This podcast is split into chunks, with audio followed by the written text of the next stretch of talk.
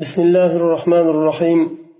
الحمد لله رب العالمين والصلاة والسلام على سيد المرسلين محمد وعلى آله وأصحابه أجمعين. اللهم علمنا ما ينفعنا وانفعنا بما علمتنا وزدنا علما يا عليم. آية الأحكام yuqorida o'tgan oyatlarni shar'iy ahkomlarga kelgandik. Ahkamu shar'iyya الحكم الأول. بل حكم.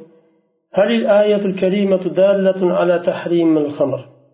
آية كريمة خمرنا حرام إكانية دلالة قلدم ذهب بعض العلماء إلى أن هذه الآية يسألونك عن الخمر والميسر. دالة على تحريم الخمر. لأن الله تعالى ذكر فيها قوله قل فيهما إثم كبير. وقد حرم الله الإثم. بقوله إنما حرم ربي الفواحش ما ظهر منها وما بطن والإثم. وهذا اختيار القاضي أبي يعلى. برين حكم آية الكريمة خمرنا حرام إكانيك دلالة قلادما بعض عالمنا يسألونك عن الخمر والميسر. سيزدان خمر وميسر حق دسور شألات qul fihima ismun kabirun degan oyatni dalil qilib shu oyat dalolat qiladi xamirni harom ekaniga dalolat qiladi deyishdi. Bu yerda aslida xamir harom qilinmadi.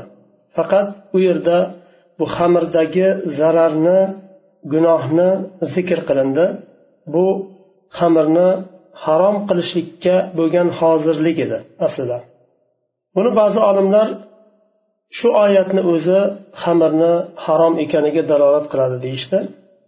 Chunki bu xamirda va maysirda qimorda ya'ni ikkalasida gunoh bor dedi. Va alloh taolo gunohni harom qildi. Gunohni harom qilgan bo'lsa va bu narsada gunoh bo'ladigan bo'lsa demak bu harom ekan degan ma'no chiqadi deyishdi. Boshqa oyatda alloh taolo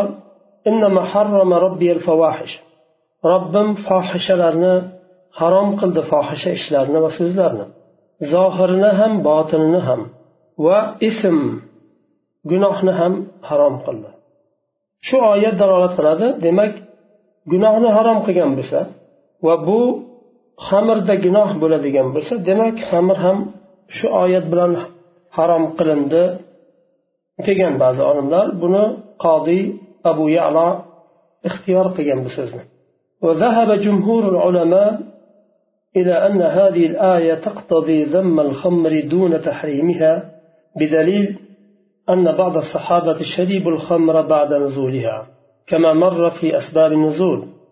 ولو فهموا التحريم لما شربها أحد منهم.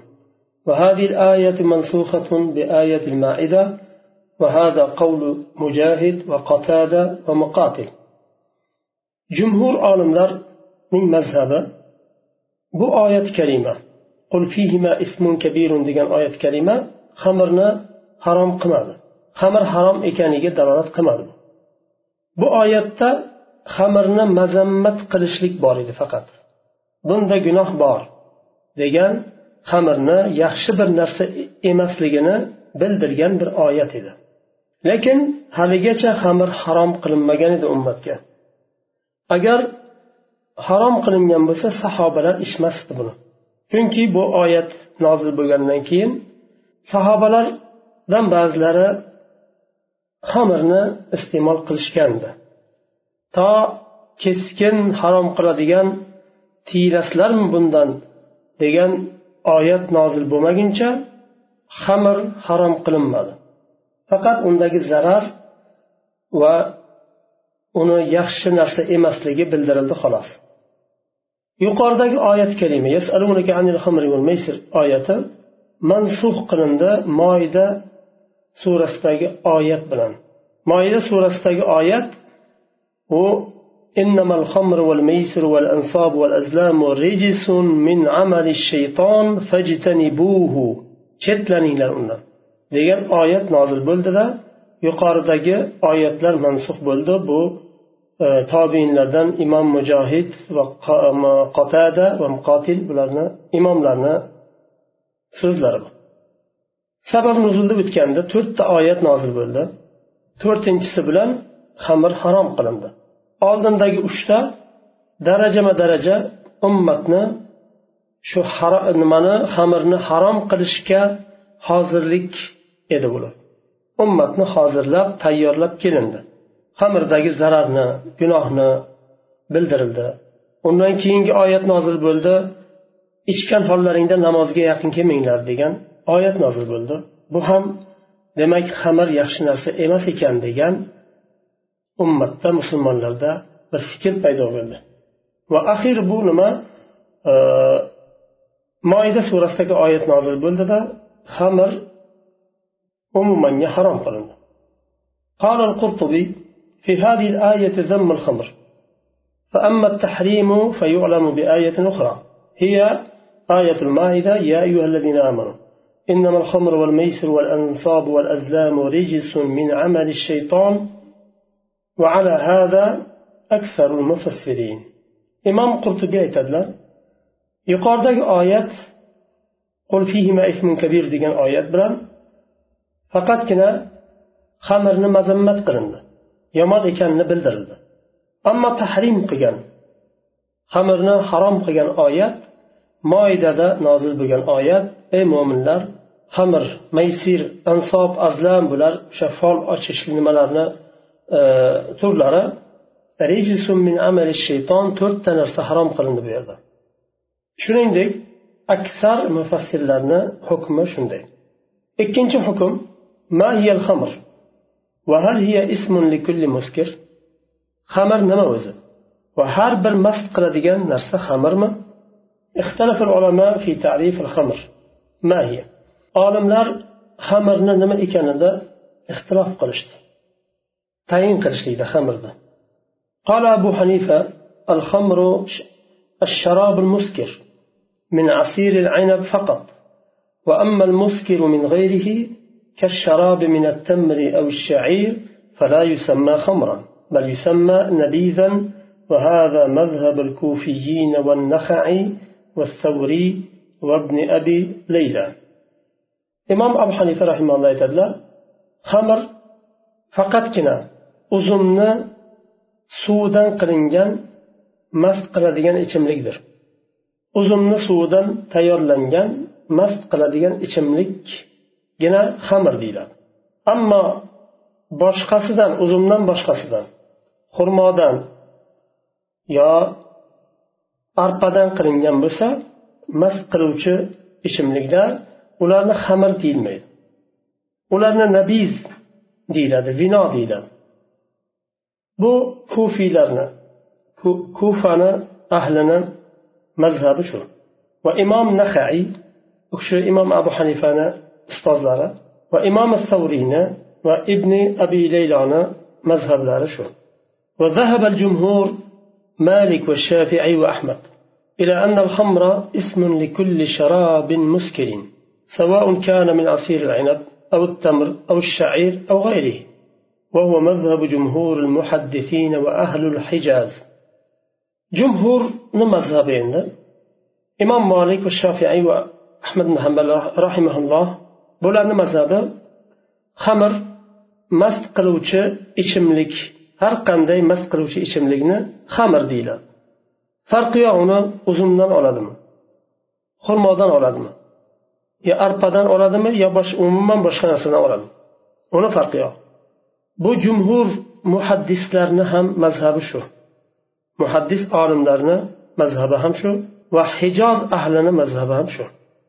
Endi ikkala firqani dalillarini keltiryaptilar hujjatul kufiyina va abi hanifa ahli kufa bilan imom abu hanifani mazhablari nima dalillari احتج الكوفيون وأبو حنيفة بأن الأنبذة لا تسمى خمرا. ولا يسمى خمرا إلا الشيء المشتد من عصير العنب باللغة والسنة. كوفة أهل إمام أبو حنيفة دليل قد لك فينا خمر إمام xamir deyiladi faqatgina uzumni suvidan olingan tayyorlangan mast qiluvchi ichimlikkagina xamir deyiladi lug'atda ham shunday sunnatda ham shunday deydilar أما اللغة فقول أبو الأسود الدولي وهو حجة في اللغة lug'atda hujjat qilinadigan abu asvad duvaliyni so'zlarini keltiryaptilar bu lug'atdan dalillar دع الخمر تشربها الغواة فإنني رأيت أخاها مغنيا بمكانها فإن لا تكنه تكنه ولا يكنها فإنها فإنه أخوها غزته أمه بلبانها خمرni qo'yinglar deb uni adashganlar ichsin men uni birodarini ya'ni xamirni birodari demoqchi xamirni o'rnini bosadigan ekanini bildim. Yo topdim shunday. Agar o'rnini bosmasa xamir bu nabizni o'rnini bosmasa nabiz uni o'rnini bosadi demoqchi ma'noda. Chunki u nima e, nabiz bu boshqa ichimliklardan boshqa narsalardan uzumdan boshqa narsadan tayyorlangan nimani ichimlikni aytyaptilar. Ahuha buni ya'ni xamirni birodari ya'ni ikkalasini ham bir ona o'zini suti bilan e, oziqalantirgan degan mazmunda. Ya'ni ikkalasi ham bir xil bir narsadan kelib chiqqan asli e, ikkalasini ham asli mast qiluvchi ichimlik. Shuning uchun xamirdan ko'ra boshqasini afzal degan mazmunda nima qilgan? Bu lug'at buni nima uchun keltiryapti? Lug'aviy dalil. Sifatida keltirilyapti abul asvad duvaliy xamirni boshqa narsa dedi. Boshqa narsalardan chiqarilgan mast qiluvchi ichimlikni uni birodari dedi xamir demadi. Bu yerdan olinadigan foyda shu. Bo'lmasa hammasi e, harom. Mast qiluvchi har qanday ichimlik uzumdan olingan bo'lsin boshqa narsadan olingan bo'lsin hatto asaldan ham tayyorlarkan xamirni. Harom har qanday mast qiluvchi ichimlik. وأما السنة فما روي عن أبي سعيد الخدري قال أتي النبي صلى الله عليه وسلم بنشوان فقال له أشربت خمرا؟ قال ما شربتها منذ حرمها الله ورسوله قال فما شربت؟ قال الخليطين. قال فحرم رسول الله صلى الله عليه وسلم الخليطين. سنة دليل keltiryaptilar abu said hudriy roziyallohu anhudan rivoyat qilinadi. Bir kishini rasululloh sollallohu alayhi vasallamni yonlariga keltirildi. Rasululloh sollallohu alayhi vasallam so'radilar sen xamirmi ichding u kishi aytdiki men alloh va rasuli harom qilgandan beri xamirni ichmadim dedilar. Bo'lmasa nima ichding deb so'radilar. Demakki u kishi bir narsa ichgandi. Unday bo'lsa nima ichding deb so'radilar. Halitoyn dedilar. Halitoyn ya'ni qorishtirib qorishtirilgan bir narsa qorishtirib ba'zi narsalarni qorishtirib o'shandan xamir mast qiluvchi ichimlik tayyorlangan ya'ni uzumdan boshqa narsalardan qol aytadilarki rasululloh sollallohu alayhi vasallam shu halitaynni ham harom qildilar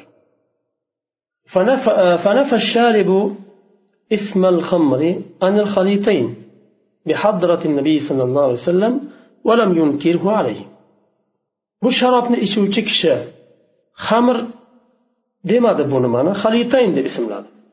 Ya'ni xamirdan boshqa bir narsani aytganda buni rasululloh sollallohu alayhi vasallam inkor qilmadilar. Shu halitaynni harom qildilar lekin aytmadilar bu halitayn bilan xamirni o'rtasida nima farq bor? Bu ham xamir axir demadilar degan mazmunda hujjat qilyaptilar. Hujjatul jumhur jumhurni hujjati endi. واستدل الحجازيون وجمهور الفقهاء على أن كل مسكر خمر بما يلي حجاز لكلار وجمهور فقهاء دليل قلشته ki har qanday mast qiluvchi ichimlik xamir ekaniga quyidagi dalillarni dalil qilishdi birinchisi hadisi ibn umar kullu muskirin xamrun va kullu muskirin haromun abdulloh ibn umar roziyallohu anhu aytadilar kullu muskirin xamrun har qanday mast qiluvchi narsa u xamirdir va har qanday mast qiluvchi narsa u haromdir degan ibn umar roziyallohu anhuni rivoyatlarni keltiryaptilar ثانيا ikkinchidan حديث أبي هريرة رضي الله عنهم الخمر من هاتين الشجرتين أشار إلى الكرم والنخلة أبو هريرة رضي الله عنه رواية qilinadi xamir mana shu ikkala daraxtdandir deb uzum bilan uzum daraxti bilan xurmo daraxtini ko'rsatdilar demak faqatgina uzumdan emas ekan ثالثا حديث أنس حرمت الخمر حين حرمت وما يتخذ من خمر الأعناب إلا قليل وعامة خمرنا وعامة خمرنا البسر والتمر أنس رضي الله عنه aytadilar xamir xamir harom qilindi harom qilingan vaqtida qachon harom qilingan bo'lsa qachon shu oyat karima nozil bo'lgan bo'lsa shunda xamir harom qilindi u vaqtda uzumdan juda ham oz xamir qilinardi aksar nimalar u vaqtdagi aksar xamirlar xurmodan edi dedilar busur u xurmoni hali pishib yetilmagan vaqti tamir u pishgan vaqt رابعا حديث ابن عمر نزل تحريم الخمر يوم نزل وهي من خمسة من العنب والتمر والحنطة والشعير والذرة to'rtinchi dalil ibn umar roziyallohu anhuni hadislari. Xamirni xamirni harom qilgan oyat nozil bo'ldi. Shu vaqtda besh xil xamir bor edi. Xamir harom qilingan vaqtda besh xil xamir bor edi.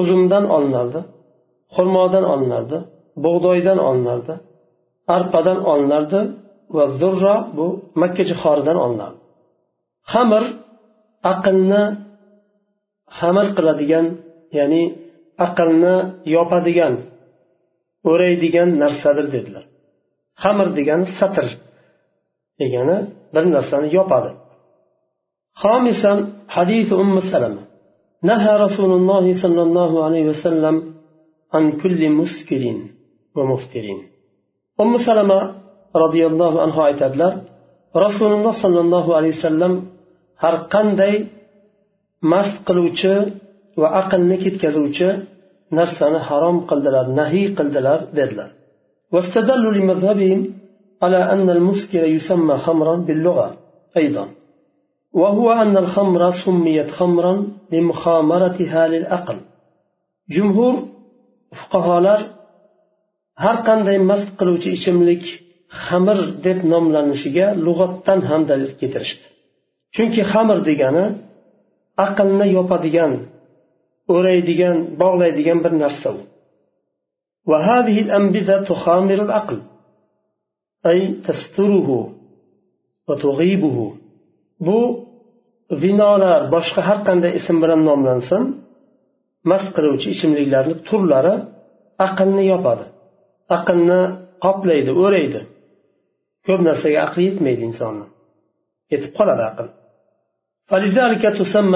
shuning uchun xamir deb ismlanadi فالخمر هو السكر من أي شراب كان خمر u qaysi sharobdan bo'lmasin u mast qiladigan narsa xamirdir لأن السكر يغطي العقل ويمنع من وصول نوره إلى الأعضاء chunki mast qiluvchi ichimlik aqlni o'raydi va shu aqlni nuri a'zolariga yetib borishi yetib borishidan man qiladi nima qilayotganini inson o'zi bilmaydi nima deyayotganini o'zi bilmaydi tiliga sohib chiqolmaydi aqli o'ralgandan keyin قال الفخر الرازي فهذه الاشتقاقات من أقوى الدلائل على أن مسمى الخمر هو المسكر mana shu mushtaq qilingan ishtiqoqlar kuchlik dalildir xamir degani mast qiluvchi narsa degani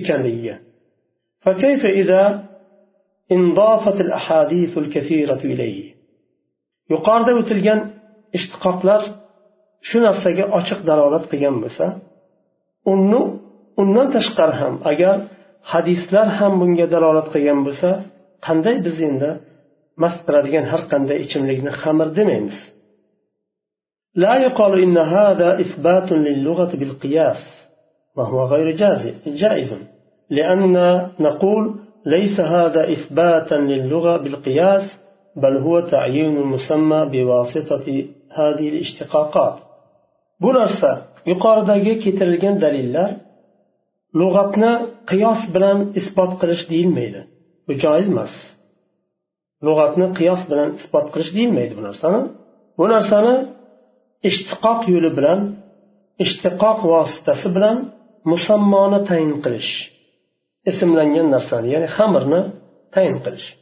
الترجيح يعني ترجيح قليلا شيخ رحمه الله ونحن إذا تأملنا أدلة الفريقين ما ذكر منها وما لم يذكر ترجح عندنا قول الجمهور وأهل الحجاز فالخمر حرام وكل مسكر خمر كما قال عمر رضي الله عنه وذلك لأن الصحابة لما سمعوا تحريم الخمر فهموا منه تحريم الأنبذة وهم كانوا أعرف الناس بلغة بلغة العرب ومراد الشارع. وقد ثبت بالسنة المطهرة تحريم كل مسكر ومفتر. وثبت عن أنس أنه كان ساقي القوم في منزل أبي طلحة حين حرمت الخمر وما كان خمرهم يومئذ إلا الفضيح. فضيخ. فحين سمعوا تحريم الخمر أهراقوا الشراب وكسروا الأواني. وما كان الفضيخ إلا من نقيع البصر فما ذهب إليه الجمهور هو الصحيح المعول عليه. لا سيما أن المتأخرين من الأحناف أفتوا بقول محمد في سائر الأشربة وهو الحق الذي la mahida anhu. Endi rojihroq qavul bu yerda agar biz ikkala firqani ham. Dalillarini nazar solsak fikrlab qarasak jumhurni va ahli hijozni dalillari rojih ekani ko'rinadi. Xamir harom va har qanday mast qiluvchi narsa xamir ekani bilinadi. Umar roziyallohu anhu deyaptilar bu yerda ibn umar e, rivoyati. U kishi sahobalardan edi. Xamirni harom qilganini eshitganlarida u kishi boshqa har qanday mast qiluvchi uzumdan boshqa narsadan olingan mast qiluvchi ichimliklarni ham tushundilar. Sahobalar. Ular sahobalar arab tilini eng biluvchi insonlar edilar. Va shariani shariatni nozil qiluvchisini ham alloh taoloni va rasulini murodini ham biluvchi insonlar edilar ular. Nimani nazarda tutilyapti? Alloh taolo alloh va rasuli nimani harom qildi va nimani nazarda tutdi? Sahobalar eng yaxshi biladigan insonlardi ular. Va sunna sunnat bilan ham sobit bo'ldi har qanday mast qiluvchi ichimlik harom ekani. Anas roziyallohu anhu abu talha roziyallohu anhuni uylarida qavmga soqiy edilar xamirni quyib turadigan. U vaqtda xamir aksar xamir nimadan fadih u nimani e, xurmoni xomadan tayyorlanib olingan sharob edi. Xamir harom qilinganida shu sharoblarni hammasini sahobalar to'kdilar va idishlarni ham sindirdilar. Shuning uchun jumhurni mazhabi sahih xosatan mutaaxirinlardan hanafiy mazhabini mutaaxir olimlari imom muhammadni so'zlari bilan fatvo berdilar. Chunki hanafiy mazhabi iloji boricha mazhabdan chiqmaslikka harakat qilishadi. Mazhabda qolishda harakat qilishadi. Imom muhammad ham hanafiy mazhabidan u kishi har qanday sharobni xamir deganlar. Ya'ni imom abu hanifaga qarshi chiqqanlar. Abu yusuf va muhammad va zu imom zufar ular e, abu hanifani imom abu hanifa rahimallohni eng katta shogirdlaridan ular. Ular ko'p o'rinda imomga qarshi chiqqanlar. Ya'ni qarshi chiqqanlar derkan ko'p o'rinda imomni fatvosi bilan cheklanmaganlar. Boshqa dalilga suyanganlar qaysi dalil ularni nazarida kuchliroq bo'lsa imomga muxolif bo'lgan holda holda o'sha kuchliroq deb bilgan dalillarni olganlar. Aslida hanafiy mazhabi ham shunday ya'ni mazhabda illoki qolishi shart degan narsa aslida mazhabda yo'q hanafiy mazhabida. Chunki imom abu hanifani shogirdlari juda ham ko'p o'rinda imomlarni nimasiga e, fatvolariga hukmlariga qarshi chiqqan. Bu narsa mazhabdan chiqdi tamom yo boshqa degan e, nimani ham bildirmagan u vaqtda yo mumkin emas mazhabdan chiqish degan narsani ham bildirmagan. Shayx e, rahimaulloh muallif sobuniy u kishi asos o'zlari ham nima hanafiy mazhabidan lekin mutaassib emas u kishida taassub yo'q. Shuning uchun bu yerda jumhurni mazhabini rojihroq deyaptilar. Ya'ni xamir faqatgina uzumdan olinadigan narsa emas. Har qanday mast qiluvchi ichimlik u xamir. وقال العلامة الألوسي وعندي أن الحق الذي لا ينبغي العدول عنه أن الشراب المتخذ من مما عدا العنب كيف كان وبأي اسم سمي متى كان بحيث يسكر حرام وقليله ككثيره ويحد شاربه ويقع طلاقه ونجاسته غليظة علامة الألوسي aytadilar meni nazarimda undan chetlanishlik mumkin bo'lmagan haq shuki uzumdan boshqa narsalardan olingan sharoblar ham qanday bo'lmasin va qanday bir ism bilan ismlanmasin Qachonki shu ichimlik shu sharob agar mast qiladigan bo'lsa u haromdir. Uni ozi ko'pi bilan tengdir. Ozi ham ko'pi e, kabidir deyaptilar. Ya'ni ozi ham bir ko'pi ham bir. Uni ko'pi qanday harom bo'lsa ozi ham xuddi shunday haromdir deyaptilar ya'ni. Uni ichsa har qanday ism bilan ismlanmasin. Agar mast qiladigan bo'lsa shuni mast qiladigan ichimlikni sharobni ichgan kishiga had uriladi. Va uni agar shu mast bo'lgan holda ichgan holda xotiniga taloq qo'ysa talog'i tushadi. Chunki uzrsiz mast bo'ldi u. Masalan doridan bir boshqa bir sababli tadoviy sababli E, insonni aqli chalg'ib qolsa mast bo'lganga o'xshagan va taloq qo'yadigan bo'lsa bu uzr hisoblanadi. Aqli ketib qoldi yo bir nimadan e, bir dorini sababidan. Bir kasallik tufayli majbur bo'ldi shu dorini ichdi. U aqlini chalg'itdi biroz aqlini ketkazib qo'ydi mast qilganga o'xshagan. Xotiniga taloq qo'ydi. Bu vaqtda uni uzri bor. harom bo'lgan narsani iste'mol qildi deyilmaydi bu yerda. Ammo mast qiluvchi ichimlikni ichsa u aslida harom qilingan jinoyat qildi u. Shuning uchun uni mast bo'lgani uzr hisobida olinmaydi. Va bu mast qiluvchi ichimlikni najosati g'aliza. G'aliz degani og'ir najosat yengil najosat emas. Shu yerda to'xtaymiz. Bihamdik. Ashhadu an la ilaha illa ant astag'firuka va atubu ilayk.